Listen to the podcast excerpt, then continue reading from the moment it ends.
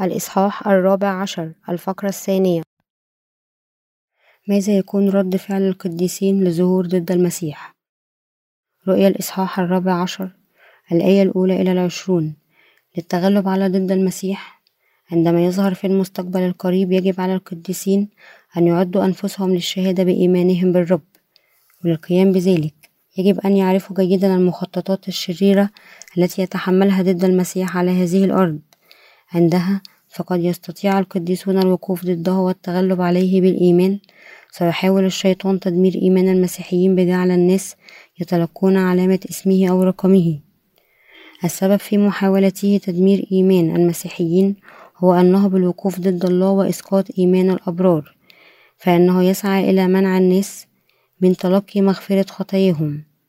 من خلال إنجيل الماء والروح سيحول ضد المسيح الناس الناس إلى خدامه ويجعلهم يقفون ضد الله فإن ضد المسيح وأتباعه الذين ما زالوا باقين في هذا العالم يتلقون عقوبات وأوبئة كبيرة.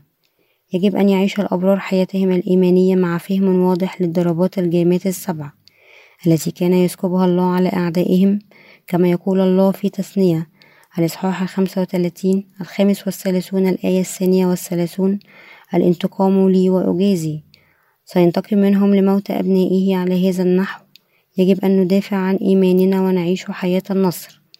وبدلا من يطغي عليها غضبنا نقوم بأعماله غير المثمرة. إيمانا منهم بحقيقة أن الله يهلك كل من بقى على هذه الأرض بعد استشهادهم. يجب على القديسين أن يقاتلوا ضد المسيح. كلمة الحقيقة التي لا يجب أبدا أن تنسى ما يجب أن يتذكره كل أولئك الذين نالوا مغفرة خطاياهم هو أن القديسين الأبرار فقط سيقامون ويختطفون بعد وقت قصير من استشهادهم.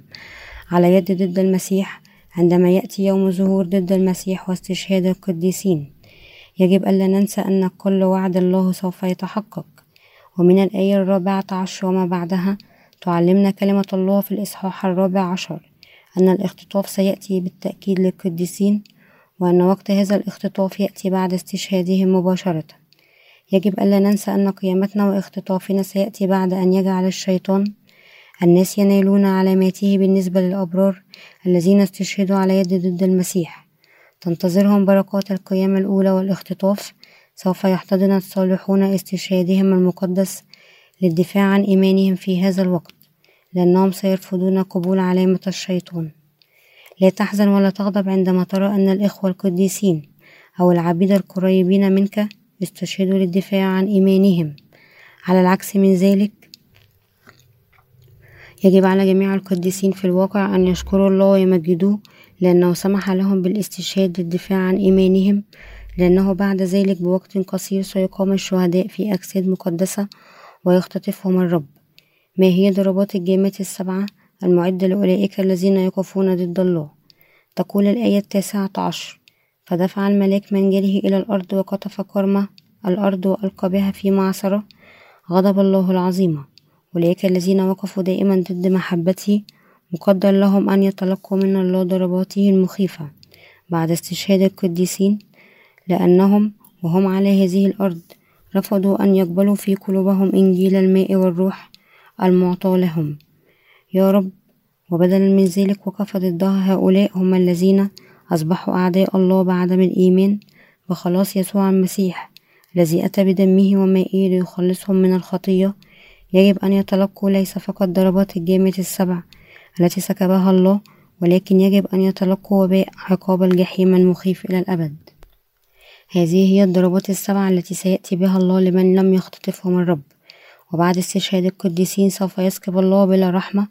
هذه الضربات السبعة التي أعدها لأولئك الذين بعد أن لم يشاركوا في الاختطاف. لا يزالون على هذه الأرض كعبيد للشيطان ويواصلون التجديف على مجد الله.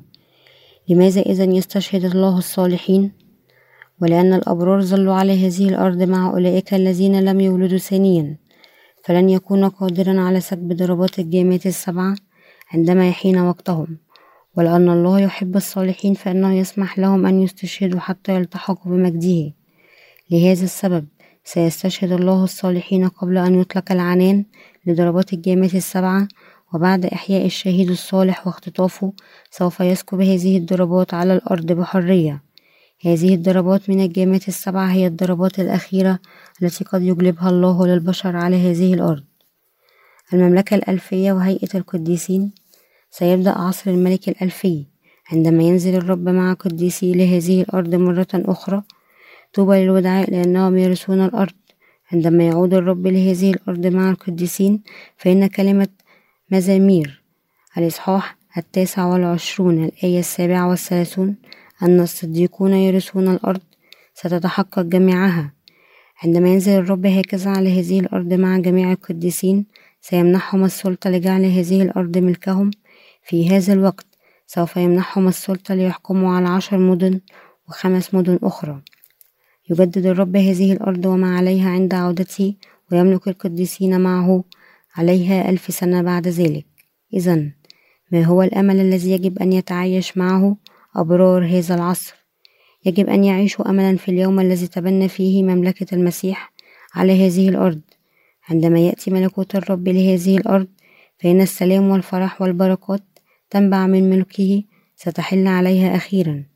إننا نعيش تحت حكم الرب فلن ينقصنا شيء بل نعيش في غزارة وقفائده ككماله. عندما يأتي ملكوت الرب لهذه الأرض تتحقق كل آمال الصالحين وأحلامهم. وبعد العيش على هذه الأرض لمدة ألف عام سيدخل الأبرار بعد ذلك لمملكة السماء الأبدية.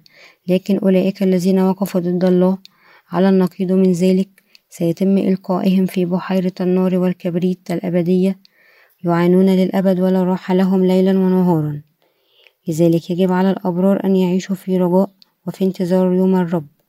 يجب ألا ينسى كل الصالحين أن الاستشهاد والقيامة والنشوة والحياة الأبدية كلها ملك لهم.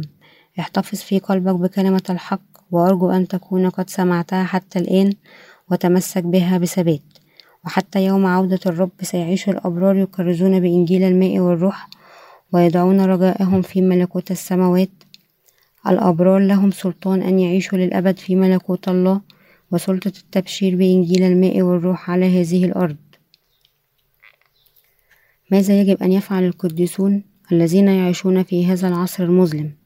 من الواضح تماما أن هذا العصر هو عصر الظلام وأن العيش فيه أصبح أكثر صعوبة وعلى هذا النحو يجب أن نكرس بإنجيل الماء والروح للخطاة ونرعبهم في جميع أنحاء العالم. ونراعيهم في جميع أنحاء العالم. يجب على الأبرار أن ينشروا محبة الله وغفران خطاياهم. ومن خلال إنجيل الماء والروح اللذين أعطاهما يسوع المسيح هذا ما يجب أن يفعله الصالحين الآن. إذا فقدوا هذه الفرصة الحالية فلن تعود إليهم مرة أخرى. لأن نهاية العالم ليست بعيدة جدا. يجب علينا أن نكرس بإنجيل الماء والروح أكثر وأن نرعى النفوس الضالة بأمل ملكوت الله. هذا هو الشيء الصالح الذي يجب أن يفعله الصالحون. في العالم الحاضر هناك الكثير ممن حتى لو لم يكن لديهم كلمة إنجيل الماء والروح يزعمون أنهم يؤمنون بيسوع ويعيشون حياتهم في خدمة الرب. لكن أولئك الذين يعيشون حياتهم الدينية بدون الحقيقة هم, هم جميعا أنبياء كذبة. هؤلاء الكذابون هم المخادعون الذين لا يستغلون إلا الممتلكات المادية للمؤمنين باسم يسوع. لذلك نشفق على أولئك الذين يحاولون أن يعيشوا حياتهم الإيمانية بينما خدعهم هؤلاء الأنبياء الكذبة. يعيشون حياتهم الإيمانية بدون إنجيل الماء والروح. هؤلاء المسيحيون الإسميون ما زالوا كخطى ويستمرون في العيش تحت لعنة ناموس الله. حتى عندما يزعمون الإيمان بيسوع إنهم يعيشون في الخطية دائما يجهلون حقيقة أنهم إذا كانوا فقط يؤمنون بإنجيل الماء والروح فإن كل الآثام في قلوبهم ستختفي ببساطة وتجعلها بيضاء كالثلج والروح القدس سيفعل ذلك تعطوا لهم كهبة لهم. ولكن على النقيض من ذلك فإن خدام الله الذين يؤمنون بإنجيل الماء والروح يكرزون به يعيشون في سلام. عباد الله وشعبه يفرحون ببشارة الماء والروح إنهم يشهدون بأخذ خطايا العالم على نفسه مرة واحدة. بمعموديته من يوحنا وبأن الرب يسوع قد أدين على هذه الخطايا على الصليب جعل الرب يسوع كل ذنوب العالم تختفي. عندما آمنت بخلاص الكفارة هذا اختفت أيضا كل خطايا التي أثقلت كاهلي. لقد أصبحت بارا الآن وبهذه الشهادات يمنح القديسون في كنيسة الله المجد لله. يمكن لأولئك الذين لديهم هذا الإيمان أن يحصلوا أخيرا على أملهم في الملكوت. القيامة الأولى هي حدث محجوز للقديسين. بعد فترة وجيزة سيعود الرب قريبا للأرض في المستقبل. غير البعيد سيظهر الشخص الذي سيصبح ضد المسيح ويضع بصماته على الأيدي اليمنى أو جباه العديد من الناس. عندما يحين هذا الوقت يجب أن تدرك أن الإيمان الثاني للرب وكذلك استشهاد القديسين وقيامتهم واختطافهم كلها قريبة منك. عندما يأتي مثل هذا اليوم والساعة يجب أن تدرك أنه يوم فرح للقديسين. ولكن بالنسبة للخطاة الذين لم يولدوا ثانيا يوم دينونتهم على الخطية. سيقام جميع القديسين بعد استشهادهم ثم ينضمون لعشاء زواج الحمل مع الرب. عندما نستشهد أنا وأنت في هذا الوقت ستبعث أجسامنا وتختطف قريبا.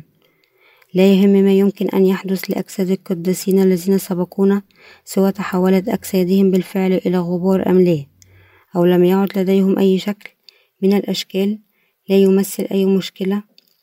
عندما يحين هذا الوقت سيقيم القديسين ليس في أجساد الحاضر الضعيفة بل في أجساد كاملة. سيقام الأبرار في الأجساد المقدسة في هذا الوقت. ويعيشون مع الرب إلى الأبد. حتى عندما تنتظرنا الأوقات الصعبة عندما يظهر ضد المسيح ويضطهدنا يجب أن ندافع عن إيماننا بيسوع المسيح من خلال الإيمان بكلمة الله التي استمعنا إليها الآن. أيضا يجب ألا ننسى أنه نظرا لأننا أمنا أنا وأنت بإنجيل الماء والروح فسنشارك جميعا في استشهاد القديسين وقيامتهم الأولى واختطافهم. الآن يجب ألا تتخلى عن إيمانك بهذه الحقيقة وتعيش حياة تحارب ضد المسيح وتتغلب عليه. حتى يأتي هذا اليوم يجب أن يكون مع أولئك الذين خلصنا من قبلنا من خلال الإيمان بالحق والتمسك بكلمة الله وإتباع الرب بإيمان. وحتى الآن هناك الكثير من الكذابين الذين يخدعون الناس حتى الآن هناك عدد لا يحصى من الناس كخدام للشيطان يعلمون الإيمان الكاذب على وجه الخصوص. هناك العديد من الكذابين الذين يدافعون عن عقيدة الاختطاف قبل الضيقة ويعلمونها لجماعاتهم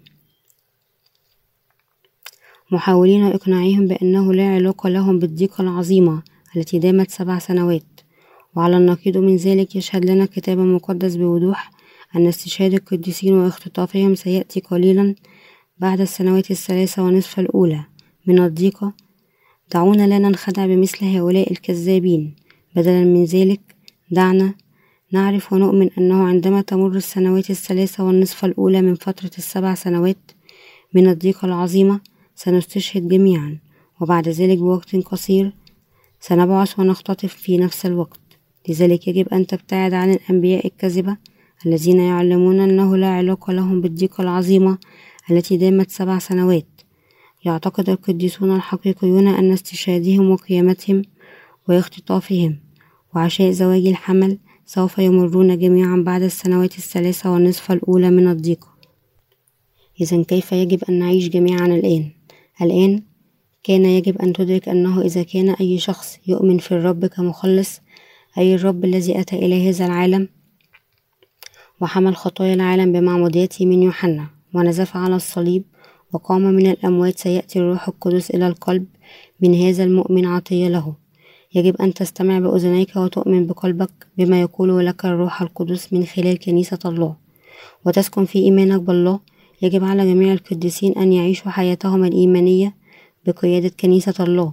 لا يستطيع أحد بذاته أن يبشر بإنجيل الماء والروح ولا يحفظه ولا يخدمه. هذا هو سبب أهمية كنيسة الله حتى بالنسبة للقديسين الذين ولدوا من جديد. وهكذا أسس الله كنيسته وخدامه على هذه الأرض. ومن خلالهم يرعى حملانه على وجه الخصوص تصبح أعمال الله أكثر قيمة وأهمية. مع اقتراب الأيام الأخيرة منا وعلى هذا النحو أدعو الله وأأمل أن تعيشوا حياة أمينة يملأها الروح القدس. مع اقتراب الأيام الأخيرة يجب على الأبرار أن يجتهدوا أكثر للالتقاء والصلاة والتعزية والتمسك ومساعدة بعضهم البعض والعيش من أجل الرب. متحدون في قلب واحد وهدف واحد لقد سمح الله للقديسين بالاستشهاد والقيامة والاختطاف والحياة الأبدية. دعونا نعيش جميعا نوع الحياة التي تحارب ضد المسيح وتتغلب عليه. ثم نقف بثقة أمام الله الشكر لله.